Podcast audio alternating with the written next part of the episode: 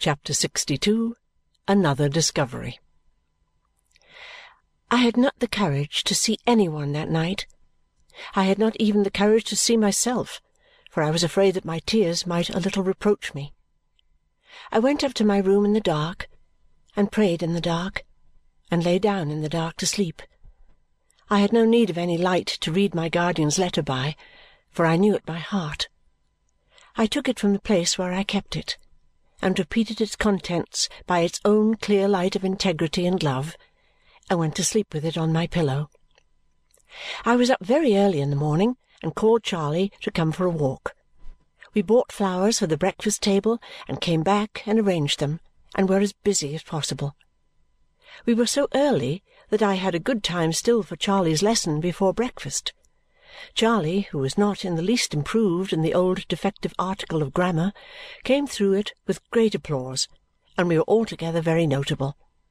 When my guardian appeared, he said, "Why, little woman, you look fresher than your flowers!" And Mrs. Woodcourt repeated and translated a passage from the Mewlinnwillinwodd, expressive of my being like a mountain with the sun upon it.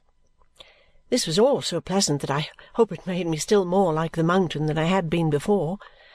After breakfast I waited my opportunity and peeped about a little until I saw my guardian in his own room, the room of last night, by himself.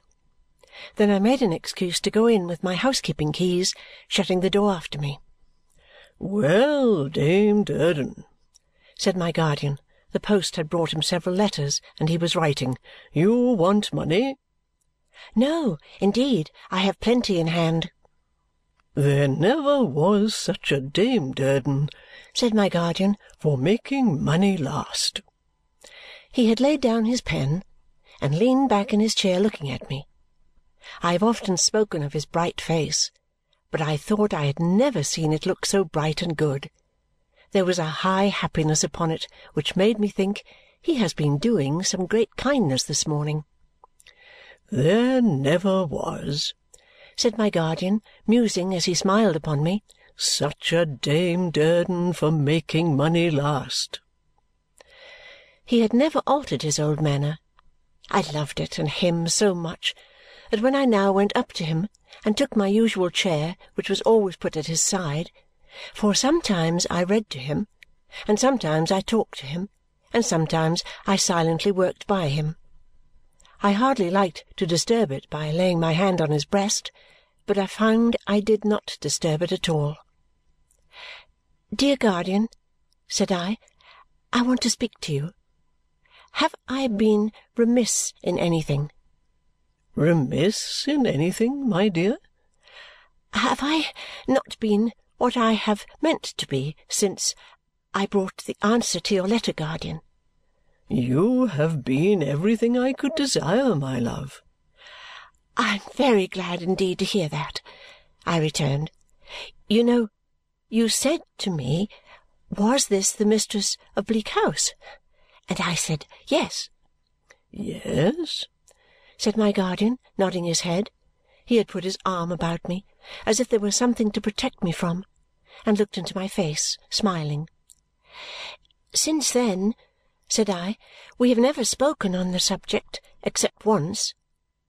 "And then I said Bleak House was thinning fast. And so it was, my dear." "And I said I timidly reminded him, but its mistress remained. He still held me in the same protecting manner and with the same bright goodness in his face.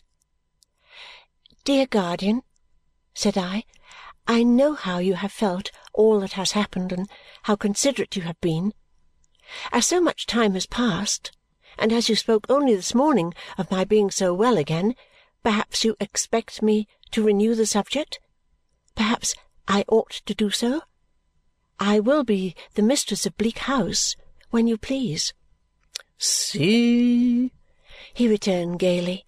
"What a sympathy there must be between us! I have had nothing else, poor Rick excepted it's a large exception in my mind. When you came in, I was full of it. When shall we give Bleak House its mistress, little woman?" "When you please." Next month? Next month, dear guardian. The day on which I take the happiest and best step of my life the day on which I shall be a man more exulting and more enviable than any other man in the world, the day on which I give Bleak House its little mistress, shall be next month then," said my guardian. I put my arms round his neck and kissed him just as I had done on the day when I brought my answer. A servant came to the door to announce Mr. Bucket which was quite unnecessary, for Mr. Bucket was already looking in over the servant's shoulder. "Mr. Jarndyce and Miss Summerson," said he, rather out of breath, "with uh, all apologies for intruding, will you allow me to order up a person that's on the stairs and that objects to being left there in case of becoming the subject of observations in his absence? Thank you. Be so good as chair that there member in this direction, will you?" said Mr. Bucket, beckoning over the banisters. This singular request produced an old man in a black skull-cap, unable to walk, who was carried up by a couple of bearers and deposited in the room near the door. Mr. Bucket immediately got rid of the bearers, mysteriously shut the door, and bolted it. "Now, you see, Mr. Jarndyce," He then began putting down his hat and opening his subject with a flourish of his well remembered finger. "You know me, and Miss Summerson knows me. This gentleman likewise knows me, and his name is Smallweed. The discounting line is his line principally, and he's what you may call a dealer in bills. That's about what you are, you know, ain't you?" said Mr. Bucket stopping a little to address the gentleman in question, who was exceedingly suspicious of him. He seemed about to dispute this designation of himself when he was seized with a violent fit of coughing. "Now, moral, you know," said Mr. Bucket, improving the accident. "Don't you contradict when there ain't no occasion, and you won't be took in that way. Now, Mr. Jarndyce, I address myself to you. I've been negotiating with this gentleman on behalf of Sir Leicester Dedlock, Baronet, and one way and another I've been in and out and about his premises a deal. His premises are the premises formerly occupied by Krook, marine store dealer, a relation of this gentleman's that you saw in his lifetime, if I don't mistake." My guardian replied, "Yes." "Well, you are to understand," said Mr. Bucket, that this gentleman he come into Krook's property, and a good deal of magpie property there was. Vast lots of waste paper among the rest. Lord bless you, of no use to nobody. The cunning of Mr. Bucket's eye and the masterly manner in which he contrived, without a look or a word against which his watchful auditor could protest, to let us know that he stated the case according to previous agreement and could say much more of Mr. Smallweed if he thought it advisable, deprived us of any merit in quite understanding him. His difficulty was increased by Mr. Smallweed's being deaf as well as suspicious and watching his face with the closest attention. "Among them odd heaps of old papers, this gentleman, when he comes into the property, naturally begins to rummage, don't you see? Said Mr. Bucket. "To which? Say that again!" cried Mr. Smallweed in a shrill, sharp voice. "To rummage," repeated Mr. Bucket.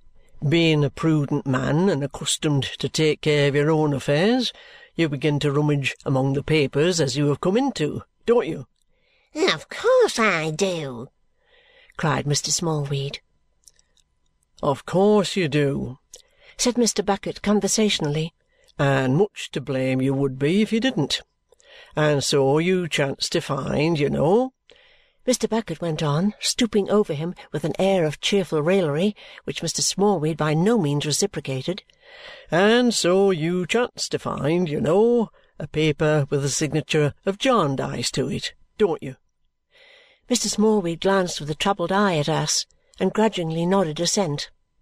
And coming to look at that paper at your full leisure and convenience, all in good time, for you're not curious to read it, and why should you be? What do you find it to be but a will, you see? That's the drollery of it," said Mr. Bucket with the same lively air of recalling a joke, for the enjoyment of Mr. Smallweed, who still had the same crestfallen appearance of not enjoying it at all. What do you find it to be but a will? I don't know that it's good as a will or, or as anything else, snarled Mr. Smallweed. Mr. Bucket eyed the old man for a moment. He had slipped and shrunk down in his chair into a mere bundle, as if he were much disposed to pounce upon him. Nevertheless, he continued to bend over him with the same agreeable air, keeping the corner of one of his eyes upon us. "Notwithstanding which," said Mr. Bucket, "you get a little doubtful and uncomfortable in your mind about it, having a very tender mind of your own." "Eh? What do you say I have got of my own?" asked Mr. Smallweed with his hand to his ear. "A very tender mind." "How? Well, go on," said Mr. Smallweed. And as you've heard a good deal mentioned regarding a celebrated Chancery will case of the same name, and as you know what a guard Krook was for buying all manner of old pieces of furniture, and books, and papers, and what not, and never liking to part with them, and always a going to teach himself to read, you begin to think, and you never was more correct in your born days, Ecod, if I don't look about me, I may get into trouble regarding this will. Now mind how you put it, Bucket, cried the old man anxiously with his hand at his ear. Speak up. None of your brimstone tricks. Pick me up. I want to hear better.